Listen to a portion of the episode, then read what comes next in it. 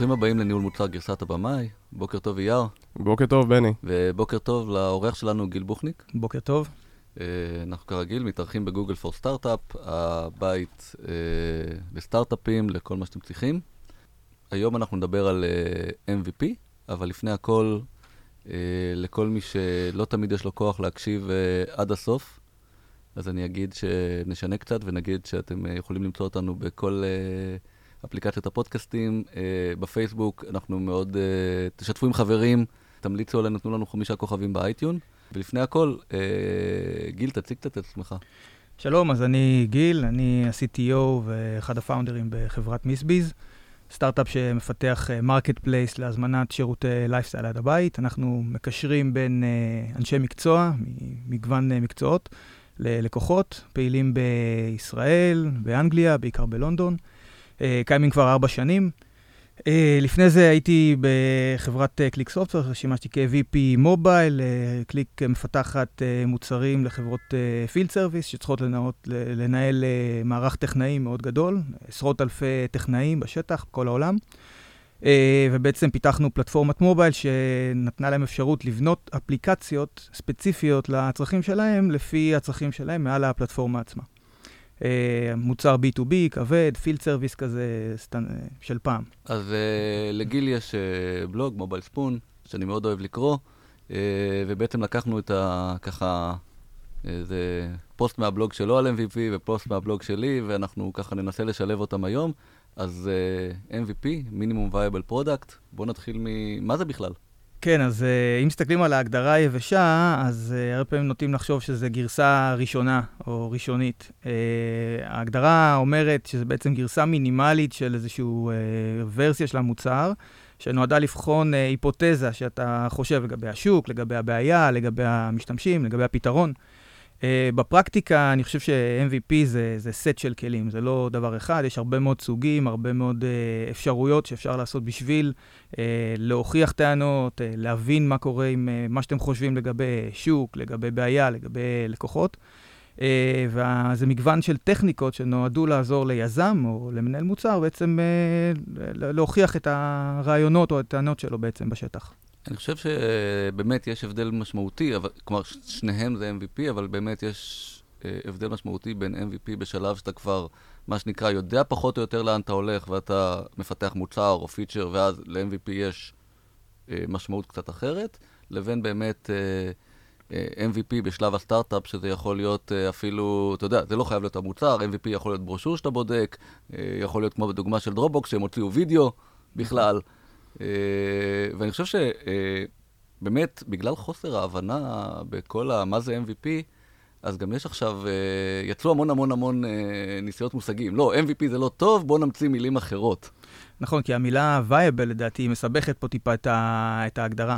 יש הרבה מאוד MVPs שנבנו כאיזשהו ניסיון, כשבעצם הרעיון מאחורה זה לבדוק התנהגות אותנטית של משתמשים.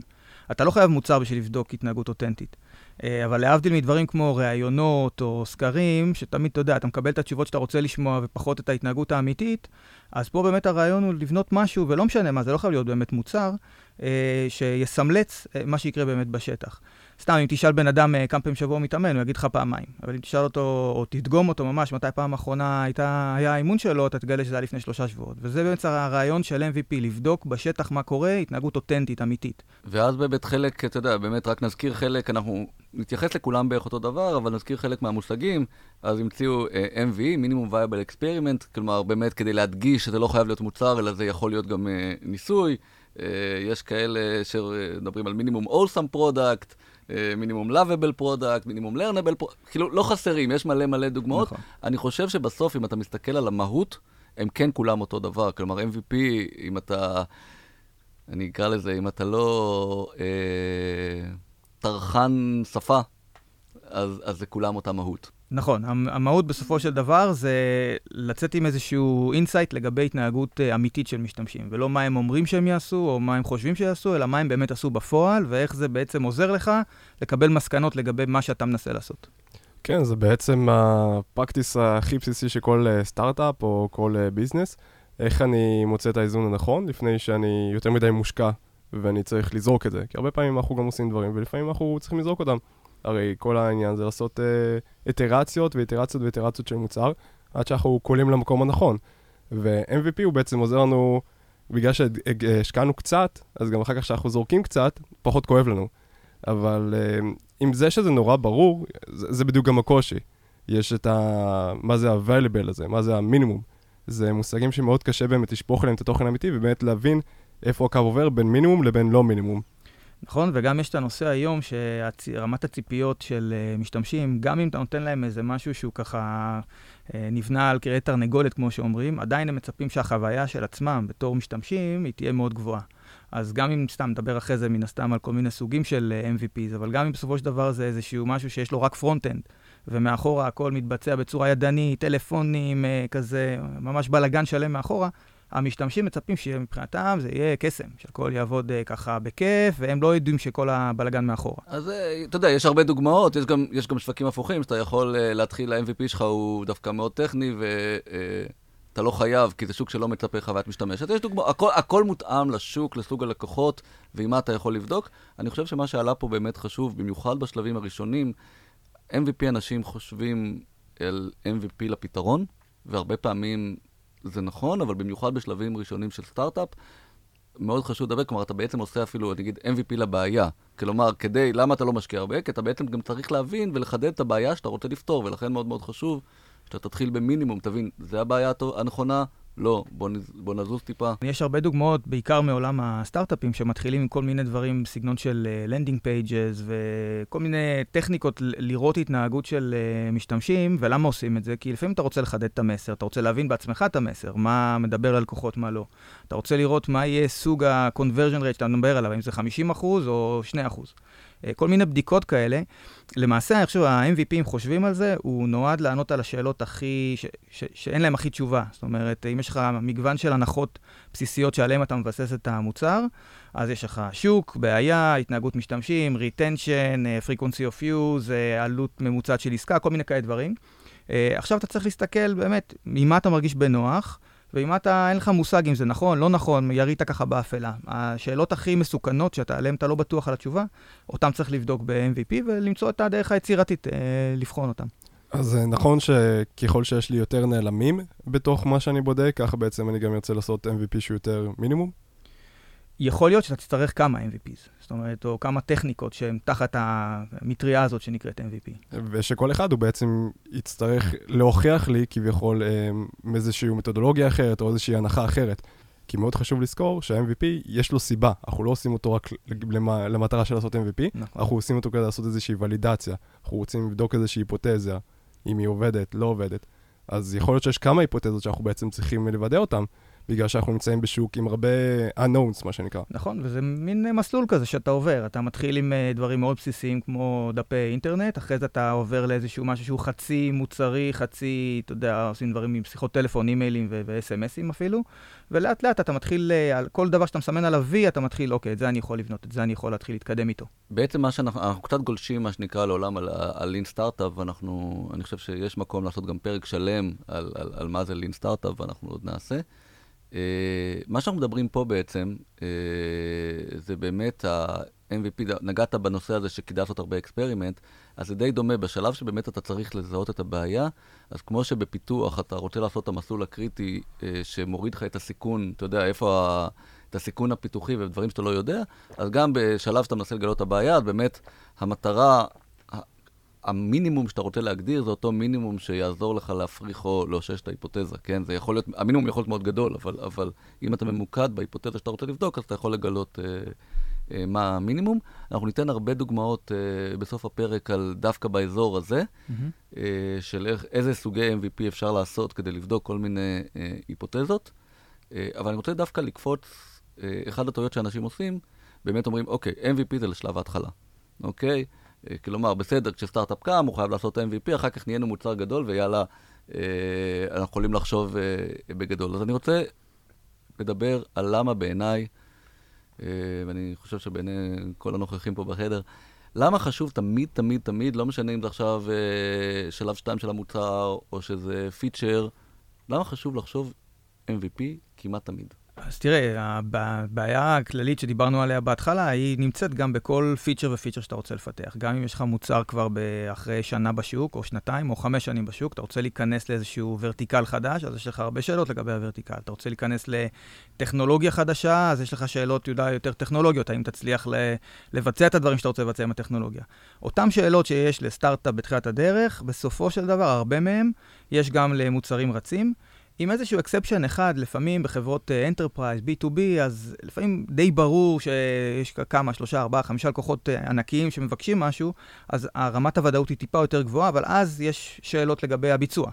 Uh, ואז כדאי להתחיל עם דברים שהם יותר מינימליסטיים בהתחלה. כמובן, תמיד צריך לשים לב שאתה עדיין מספק את ה-value, ואתה עדיין נותן למשתמשים את היכולת לבצע את מה שהם רצו לבצע, אחרת זה לא שווה כלום. ונותן גם איזשהו מין אה, אחוז מסוים של delight, אה, כי זה כמובן גם משהו שתמיד מצפים לו. אה, ואז עם זה אתה יכול להתחיל לענות על השאלות, לפני שכבר מישכנת את כל הצוות ואת כל השנה הקרובה בפיתוח. אז זה בדיוק הנקודה שאני רוצה לגעת בה. לכולם ברור למה עושים MVP כשלא הכל ברור, אבל בוא נגיד, בוא ניקח את הדוגמה שיש הכל ברור. מה שנקרא, כמו שאתה אומר, יש במיוחד ב-B2B, אני יודע מה אני רוצה לעשות, הגדרתי את זה עם הלקוחות, או... בסדר? ואני אומר שגם אז, כשהכול ברור, אתה יודע ויש לך את הריסורסים והכול, כדאי לחשוב MVP. ו- ובעיניי יש, אה, יש איזה שלוש סיבות עיקריות למה, למה זה כדאי. אחד, זה הנושא של uh, הערכות, זמנים. Uh, כאילו, מפתחים תמיד טועים בהערכות זמנים, גם כשהם מאוד מאוד מנוסים, כי, כי יש הרבה נעלמים, מאוד קשה להעריך זמנים. אה, ולכן לא משנה כמה אנחנו מנוסים, הצמצום בעצם והחשיבה MVP ובשלבים אה, תאפשר לנו להתאושש מטעויות שיקרו, או מכל מיני דברים ש... שלא חשבנו עליהם. וזה גם קשור באמת ל scope או schedule, כלומר זה מאפשר לנו לתת commitment, כלומר אם אנחנו מסתכלים על ובונים אה, MVP, אוקיי? אז זה מאפשר, אתם דיברנו בפרק של הרולמפ על זה שאני לא נותן קומיטמנט, אבל uh, בכל זאת, לא משנה, אבל אתה רוצה לתת גם צפי, אתה רוצה להיות מסוגל, אז כשאתה עושה MVP אתה, אתה, אתה אתה יכול כנראה יותר לעמוד, אולי לא תעמוד בכל החלום שלך, אבל כנראה שגם החלום לא תמיד צריך אותו. אתה מגלה הרבה פעמים בדרך, אה, אם הגדרת את זה נכון, ש, שאפשר לעשות הרבה הרבה פחות. אה, והדבר האחרון, וזו החשיבה הזאת, זה באמת, במיוחד בתור מנהלי מוצר, זה הנושא של מי מתעדף. כלומר, אם אנחנו לא לוקחים את הפיצ'ר או את המוצר או כל דבר שאנחנו עושים ומתעדפים אותו וחושבים MVP, בוא נעשה קודם את המינימום הזה ואחר כך את הדבר הבא, את המינימום הבא, וכולי, זה אומר שמי שיתעדף זה הפיתוח, ולא בטוח שהוא יתעדף בצורה שתאפשר להתאושש. כלומר, יכול להיות שהוא יתעדף דווקא את הדברים הטכנולוגיים, אה, ואז נגלה, לא יודע, חשבנו שפיצ'ר של חודש, גילינו שלא עמדנו, אבל ברגע שלא חשבת בצורת MVP, זהו, אז בסדר, אז עכשיו שבסוף החודש אומרים לך זה חודשיים, אין לך מה לעשות, כי הם נגיד רק בנו את, ה, את התשתית. לעומת זה, אם חשבת בצורה מוצרית על ה-MVP, בסדר, תגלה בסוף החודש שהם לא עמדו, עכשיו שאתה יכול להחליט, שווה לי להשקיע עוד חודש, או בוא נוציא את זה פחות. זה, אני מסכים איתך לגמרי, זה אחת מהאומנויות המתבקשות בניהול מוצר. באמת לדעת לזקק את העיקר מהטפל ולבנות איזושהי אסטרטגיה שיודעת להתחיל קטן ולהתפרס ככל שמקבלים עוד uh, approvals כאלה על כל מיני הנחות שלנו, uh, או מתקדמים עם הפיתוח. Uh, יש לי רק הערה אחת קטנה להגיד, uh, אני רואה יותר ויותר בעולם הזה של ניהול מוצר, שהטכנולוגיה עוזרת לנו לקחת פחות החלטות. ומה הכוונה? הרבה פעמים אתה נמנע מלקחת החלטה, אתה אומר, אני אעשה A-B טסט, ואחרי זה עוד A-B טסט, ועוד A-B טסט, בסוף אני אגיע למסקנה. במקום לחשוב קצת לפני ולראות, אולי בניסיון אחד של A-B טסט אתה יכול כבר להגיע למסקנה, כי כבר חשבת טיפה יותר על מה ה-A ומה ה-B.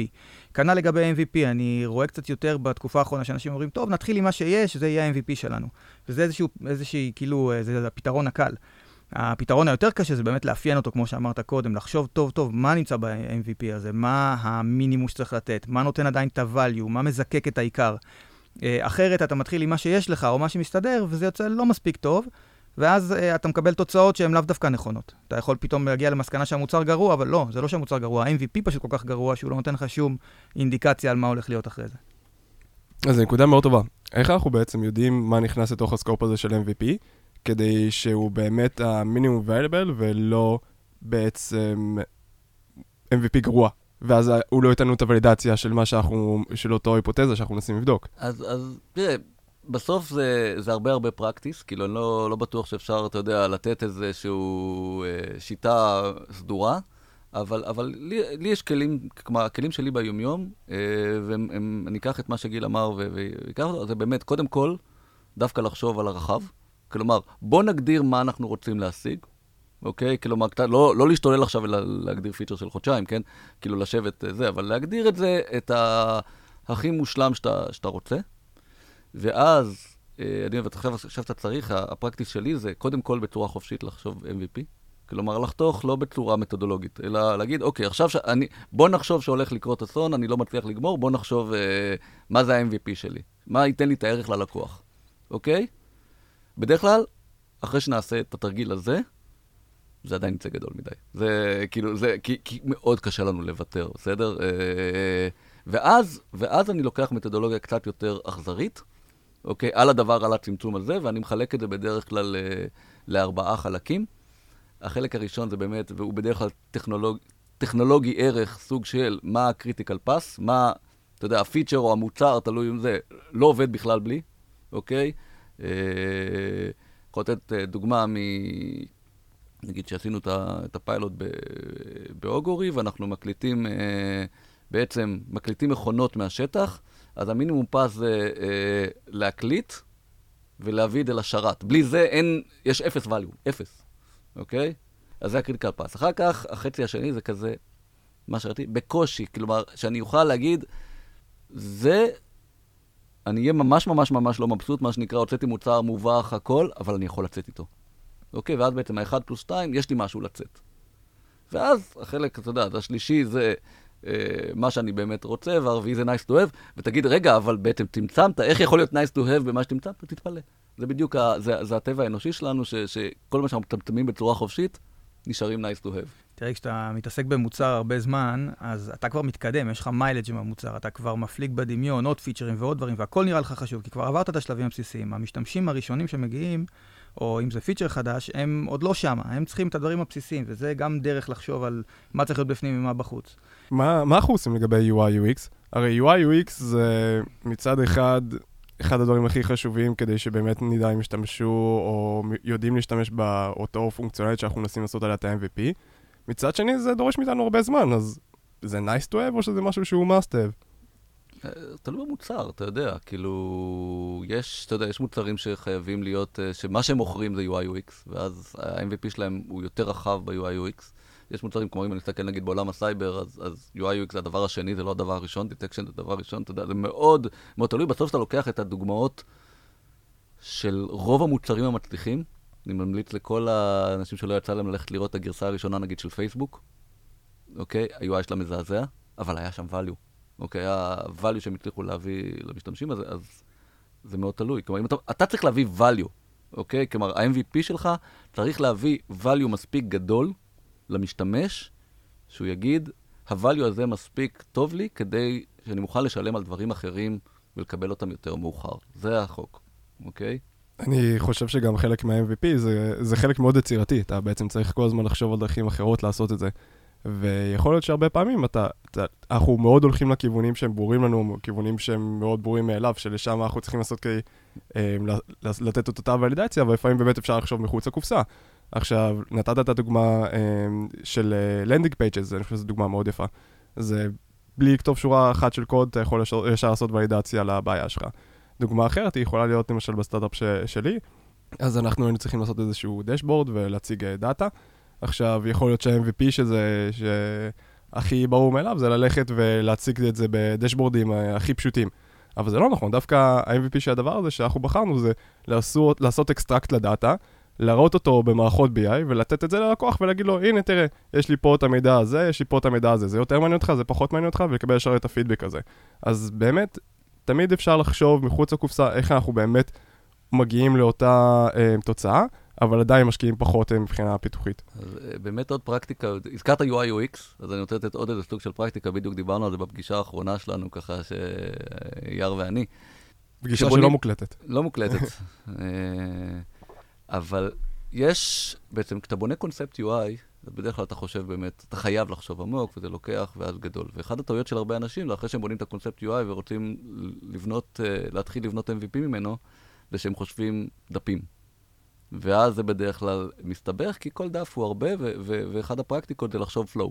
כלומר, לא חייבים, אתה רוצה לעשות MVP למוצר, אתה לא חייב לחשוב, יאללה, הנה, זה הדף הראשון, זה הדף השני, הדף, עוד פעם, תחשוב על ערך. ואז יכול להיות שזה קצת מהדף הזה וקצת מהדף הזה, וזה ה-MVP שלך. כלומר, זה, עוד פעם, דרכים לחשוב, כלומר, אנחנו בעולם ה execution, דרכים לחשוב על איך לקצר.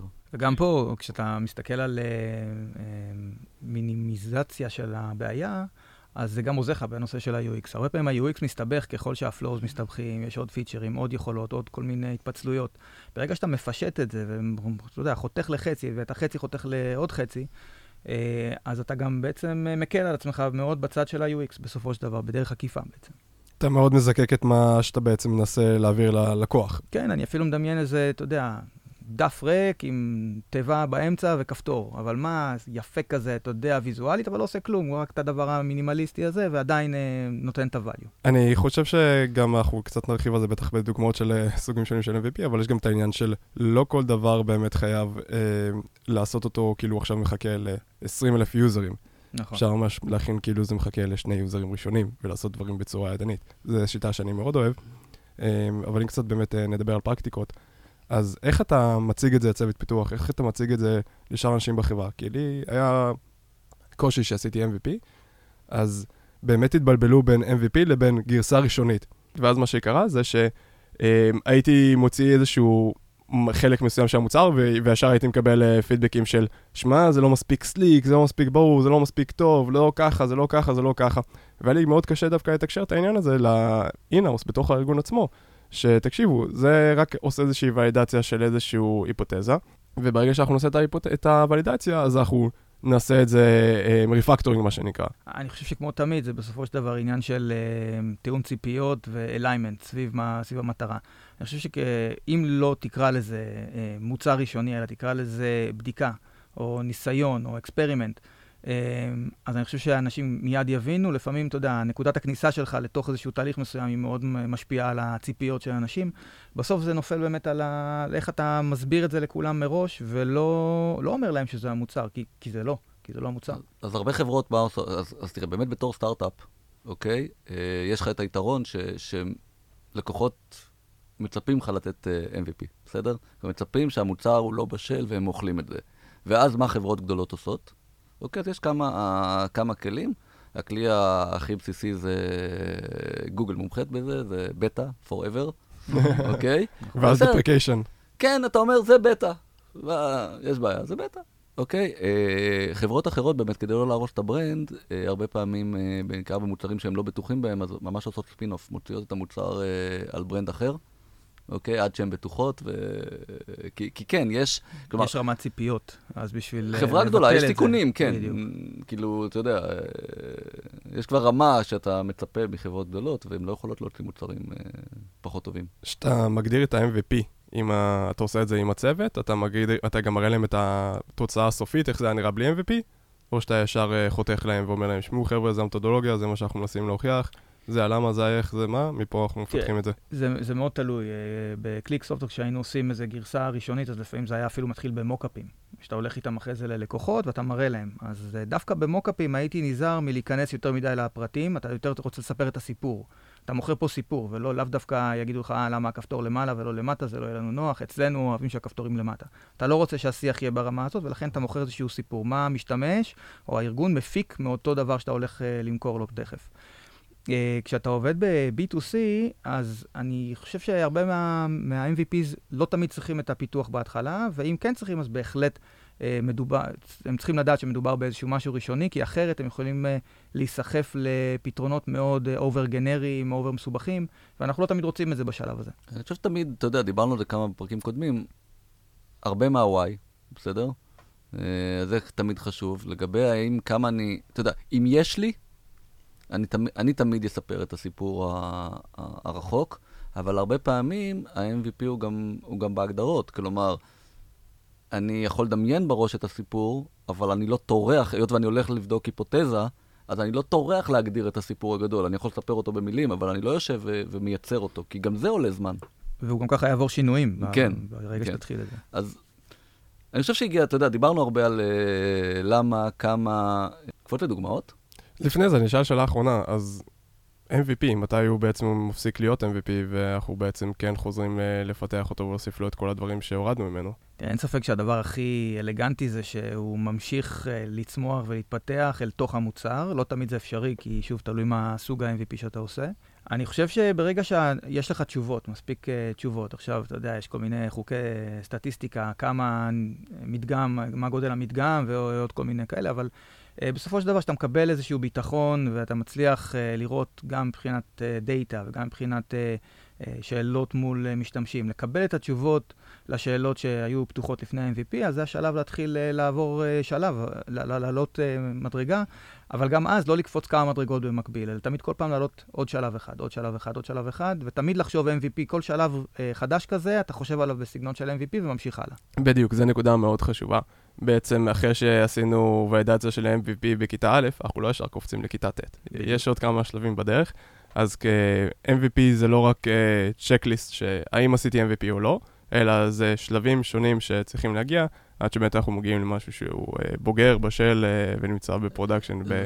במידה מסוימת זה, זה באמת החשיבה, תמיד, אוקיי? כי, כי בסוף זה לא אחד, יש לך, או אני עושה MVP או הכל, כלומר, זה, אם אני עושה פה יותר, אני עושה ב, ב, ביכול, בפיצ'ר אחר פחות, אז, אז תמיד החשיבה של מה ה-value שאני רוצה לקבל, או הבדיקת היפותזה, ומה המינימום שאני יכול כדי להגיע לשם. אם זה, אם זה experiment, אז מה המינימום ש... כדי לבדוק את ההיפותזה, ואם זה פיצ'ר שאני כבר ערך, עזוב, עשיתי את ה experiment וזה, אז מה המינימום ש... שהלקוחות שלי יהיו מרוצים, שיביא להם את הערך, אוקיי? לא חייבים את המקסימום. יאללה, דיברנו מספיק תיאוריה. הגיע הזמן קצת דוגמאות.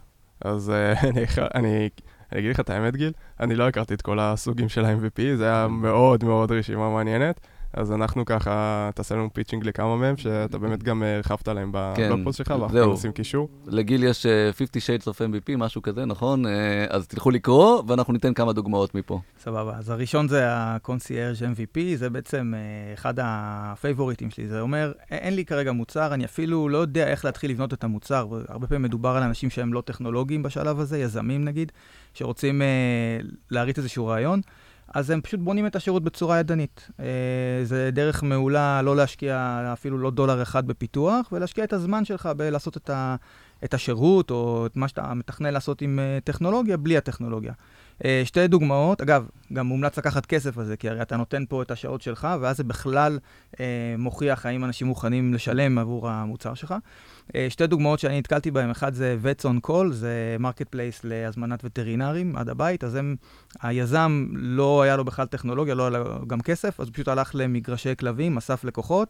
אה, הלך לכל מיני אה, וטרינרים, אסף אותם, ופשוט היה מזמין ומנהל הזמנות דרך אימיילים, טלפונים. בצורה הכי ידנית, וגבה על זה כסף מההתחלה. אה, אפליקציה אחרת זה Foods on the Table, זה בעצם אמור לקחת העדפות שלך בסוגי מזון, למצוא מבצעים מיוחדים בסופר ולהרכיב לך תפריטים מגוונים. אז גם את זה, היזמים עשו את זה באופן uh, ממש אישי, הלכו ללקוחות הביתה, ראו מה יש להם במקרר, ולפי זה בנו להם את התפריט. Uh, שתי דוגמאות לזה שאפס טכנולוגיה, ועדיין המוצר רץ. אז עוד כמה דוגמאות מפורסמות, זאפוס. אה, שלח קטלוג, אנשים הזמינו, הלך לחנות, קנה נעליים, שלח להם, אוקיי? שום דבר, זה, עכשיו זה אימפריה גדולה, אוקיי? בעצם בדקת את ה-value. אה, יש, עוד פעם, גם חקלאים, יש את הדוגמה, אני לא יודע מה המצב שלהם ואם הם עדיין קיימים, אבל אה, יש את מג'יק, שבעצם זה שירות, אתה שולח אס.אם.אס והם עושים לך שירות. שהם התחילו בסדר, אתה שולח אס.אם.אס ובן אדם קורא, נגיד, אני רוצה שתזמין לי טיסה, קורא ומשל, ונותן לך את השירות, ולאט לאט במטרה בעצם להכניס שם אה, Machine Learning ומשהו אוטומטי. בעולם, דרך אגב, באמת, אני חושב שבעולם של AI זה מאוד בולט. אוקיי? כל מי שעושה Machine Learning AI מתחיל ב... ידנית. ידנית. אז מעל הסוג הזה של ה-MVP, אז יש עוד כמה סוגים שהם טיפה יותר כבר משלבים טכנולוגיה. השני זה ה-Piecemeal אה, MVP. אה, פה בעצם אומרים, זה עדיין ידני, אבל במקום לעשות את זה ממש ברגל או בטלפון, בואו נשתמש באיזו טכנולוגיה אחרת שקיימת ונשתמש בה. דוגמה מאוד בולטת, Product Hunt, בסוף, בסופו של דבר, זה, זה רשימה של מוצרים uh, חדשניים לאנשים שאוהבים מוצרים. מה זה משנה אם אתה רואה את זה באתר או באפליקציה, או אתה מקבל את זה בניוזלטר. בסופו של דבר זה התחיל כאיזשהו ניוזלטר, ועדיין סיפק את ה-value, כי הם uh, נתנו המלצות מכל מיני uh, thought leaders בעולם, יזמים uh, מוכרים, והיה לזה הרבה מאוד uh, ערך. Groupon, עוד דוגמה לחברה שהתחילה כ- כבלוג, תכל'ס, היה בלוג ב WordPress, ושמו את הקופונים שלהם בעצם כ-PDFים, שמה שהעלו אותם ל- ל- כבלוג פוסט. אז זה ה piecemeal MVP, אתה לוקח טכנולוגיה קיימת ורוכב uh, על גביה. אני חושב שגם מה שיפה ב Groupon, בדוגמה שלהם, אז אחר כך הם גם uh, התקדמו לזה שהם היו שולחים לך את, ה... את אותו קופון גם באימייל. ואם היית שואל מה ה-MVP של Groupon, אז כולם אומרים לך, זה יכולת לבחור איזה Groupon אתה בעצם רוצה. אבל ב-MVP שלהם, היה להם רק מוצר אחד. מוצר אחד בהנחה משמעותית. ואת המוצר הזה הם בעצם היו מפיצים לקהל לקוחות. ומה שיפה לראות פה זה באמת היה זיקוק מאוד נכון של מה הם בעצם עושים. הרי בתור הם, חברה, הם לא עושים marketplace של גרופונים. נכון, זה אחד מה-values שלהם. אבל דווקא ה-value העיקרי, ה-core value של, של מה שהם עושים, זה לתת לך מוצר בהנחה משמעותית. על זה הם עשו בעצם את הוולידציה.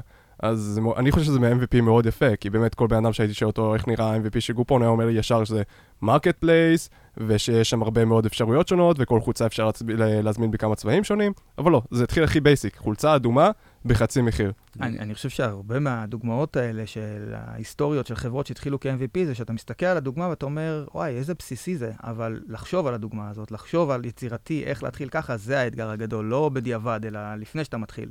אני חושב שחשוב גם לציין, אתה יודע, לפעמים לאנשים יש את הטעות הזאת שרק במוצר תוכנה קל לעשות MVP. אה, ויהיה לנו עוד פרק על ניהול מוצר חומרה שהוא שונה. אה, אבל גם בחומרה אפשר, והדוגמאות הקלאסיות, אפל עושה את זה כל הזמן. אייפון אחד למי שזוכר, אי אפשר היה לעשות שום דבר כמעט חוץ מלגלוש, אבל זה היה value. אבל זה, כאילו, זה לא היה טלפון טוב, היום זה טלפון, אתה יודע, אפשר להתווכח, אוהבי אייפון, אוהבי אנדרואיד, אבל אתה יודע, אחד משני מובילים. אותו דבר עם השעון שלהם, השעון גרסה ראשונה, עזוב, אני לא הבנתי למה, מה, מה מוצאים שעון שאין בו טלפון גם, כאילו למה? לקח להם ארבע גרסאות להוציא את הטלפון, בסדר? אז אפשר גם בחומרה, הכל... ברגע שאתה מביא מספיק value. אבל שוב פעם, העניין הוא לזקק את ה-value, זה, כן. זה החלק הקשה.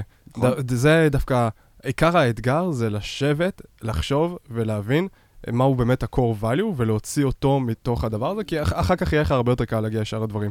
אבל uh, בדרך כלל זה הכי overlooked. אנשים בדרך כלל באים וכזה עושים, אה, טוב, אני אחתוך מפה, אני אחתוך משם, ולא באמת חוזרים חזרה לשורשים ושואלים את עצמם, למה אנחנו עושים את ה-MVP הזה? מה ה-KPI של ה-MVP הזה? איך אני מזקק אותו לדבר הכי משמעותי מבחינה מוצרית? זה, זה בעצם השאלות הבסיסיות. כן, אז כשאתה מדבר על באמת uh, מוצר, uh, והגרסה הראשונית שלו בדרך כלל זה באמת סביב value. Uh, הרבה פעמים כשאתה מדבר על פיצ'רים בתוך מוצר, זה הרבה פעמים יותר experiment uh, או תחליף ל- AB testing, uh, ואז יש כל מיני סוגים של, נגיד MVP, לא כל חברה זה מתאים לעשות, תלוי במיוחד, למשל אם אתה חי ב-B2B זה פחות מקובל, אבל נגיד דוגמה של מה שנקרא trapdoor feature, אוקיי? כלומר, אתה שם כפתור, נגיד אתה רוצה לבדוק אם יש לפיצ'ר מסוים ביקוש, אתה שם כפתור, בן אדם לוחץ על כפתור, אתה אומר לו תודה, זה ניסוי, הפיצ'ר הזה יגיע עוד מעט, או, או משהו מנומס. ולא פיתחת כלום, ובדקת אם בכלל צריך את הפיצ'ר. אז יש לי שני סיפורים לגבי זה. אחד, אה, מהחיים שלנו במיסביז.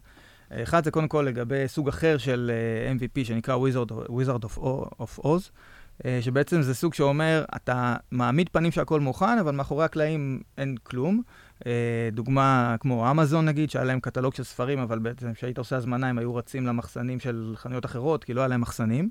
אנחנו במיסביז התחלנו גם ככה במובן מסוים, פיתחנו את האפליקציה שלנו רק על אייפון, בתור איזושהי אה, גרסה ראשונה, אה, עם כמובן מאוד מוגבלת, מאוד בסיסית, והרבה מאנשי מקצוע היו עם אנדרואיד. אז מה שעשינו בשלב הזה, היינו ממש לוקחים את ההזמנות שלהם באופן ידני, רושמים, אה, מנהלים להם את היומן אצלנו באיזשהו כלים backend. אה, ובעצם הלקוחות לא ידעו, זה היה שקוף, לקוחות עם אייפון, היינו צדים אותם דרך כל מיני marketing channels, והם לא ידעו את זה. אז זו דוגמה ל-MVP שעשינו, לדעתי שעבד טוב, איזה שלושה, ארבעה שבועות לקחנו הזמנות בטלפון כמו אה, מרכזייה. דוגמה למשהו שלא עשינו, דיברת על הפיצ'רים אה, בדלת האחורית. היה לנו מודל שלם, כשבנינו אותו בהתחלה, אה, הזמנות או עד הבית, והמודל השני היה הזמנות בסלון. אה, ומה שעשינו פה, באמת פיתחנו את כל ה flow הזה. ובפועל, הייתה לנו הזמנה אחת בשלושת החודשים הראשונים בסלון, וגם היא לא עבדה בסוף, כי באיזשהו שלב הפסקנו לתחזק את זה, כי אף אחד לא הזמין את זה.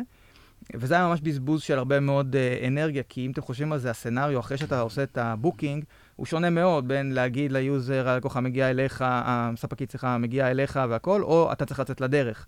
זה flow אחר לגמרי, שהיינו יכולים ממש לא לפתח אותו, אם רק היינו שמים שם כפתור ומודדים כמה פעמים לוחצים על הכפתור הזה. הזכרת את אמזון, אז אמזון, אחת הדוגמאות הבאמת היותר מפורסמות, זה, זה המנוע רקומנדיישן שלהם. כן, שזה שנות פיתוח אה, לפתח אותו, ו, ובהתחלה כשהם באו המהנדסים, אז זה, זה לא כל כך אה, בא טוב, כאילו, מה עכשיו נשים? אז מה שהם עשו, בעצם זה לקחו מוצר אחד, שהם ידעו שהוא פופולרי, ושמו באופן, בחרו באופן ידני עוד שניים, שלושה מוצרים של מי שקנה את זה, קנה גם את זה, הנה, הנה עוד מוצרים. ידני לחלוטין, אוקיי? והראו שזה עובד ומביא עוד כסף, כן? ואז אישרו להם uh, ללכת uh, שנה לממש מנוע רקומנדיישן, כי זה מסובך. ברור. יש גם uh, נושא מאוד מעניין שאתה סיפרת לי, בני, ש-70% מהפיצ'רים שאנחנו מייצרים בעצם לא משתמשים בהם. זה סטטיסטיקה משוגעת. Um, אז בעצם זה עוזר לנו להימנע מ- בעצם מהבעיה הזאת. זה מקטין אותה. Uh, אני חושב שעובדה, אתה יודע, עובדה שהסטטיסטיקה עדיין נשמרת, אז... לא כולם עושים MVP. לא, גם כשאתה עושה. תראה, גם כשאתה עושה את ה-MVP, לא תמיד הוא מצליח, אז אה, ברור. זה נראה לי גם נכנס לסטטיסטיקה. שלא לדבר על זה שבמוצרי, אתה יודע, אנחנו במוצרי B2B, אז, אז, אז יש גם 50% מהפיצ'רים שאתה עושה כדי למכור, למרות שאף אחד לא ישתמש, ועדיין אתה צריך לעשות אותם. כן, שיש להם בעצם, אה, יש הרבה פיצ'רים שאתה מייצר, מייצר, והסיבה שלהם היא ביזנסית, והיא לא בהכרח אה, בגלל אה, צרכים של לקוחות. עוד איזה כמה דוגמאות אולי ככה לסיום? כן, אז יש כל מיני וריאנטים של ה-MVPs, כל מיני מוצרים שנולדו כאיזושהי אה, הזדמנות חד פעמית, כמו Airbnb, שהיה להם איזשהו כנס גדול ורצו לראות אם הדבר הזה של, המודל הזה של להביא לאנשים לישון אצלך בבית יעבוד. אה, אני חושב שיש קטגוריה שלמה אחרת של אה, MVPs שהם ממש לא מוצרים. הם, אני לא חושב שהם מתאימים כל כך להגדרה של וייבל. אז הכי בסיסי זה ה landing page, דיברנו עליו כמה פעמים, אולי לא כולם יודעים מה זה אומר. זה אומר שבעצם אתה...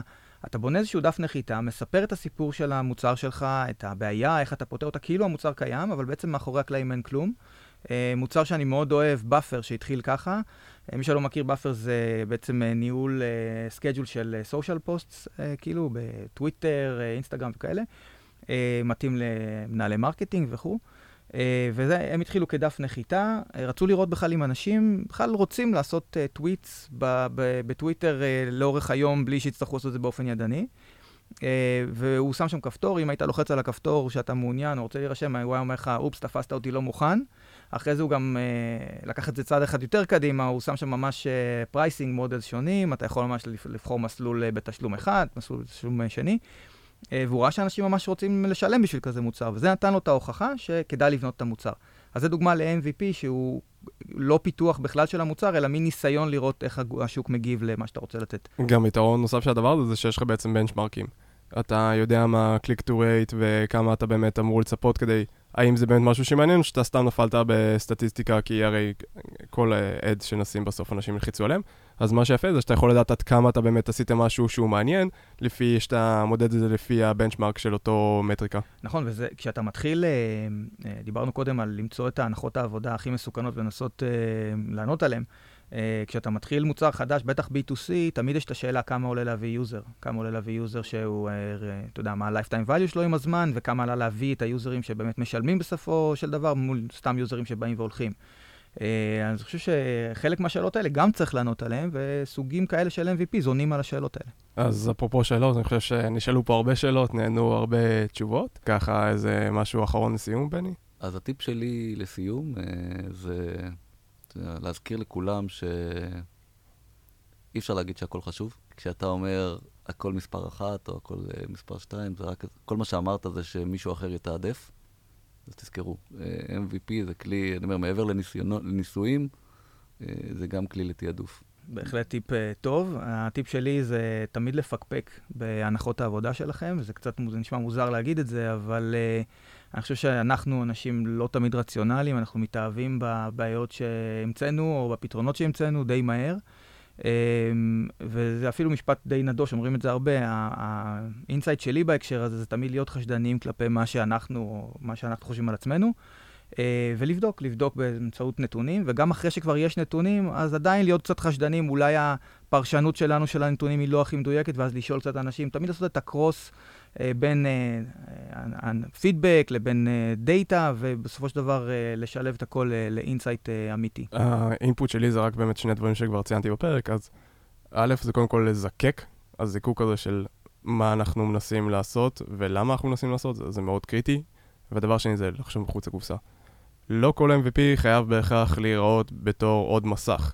יש הרבה דרכים אחרות um, לעשות ולידציה ל-MVPs, וזה ככה הטייק שלי מהעניין הזה. אז uh, תודה רבה, uh, גיל. תודה רבה, לכם. בני.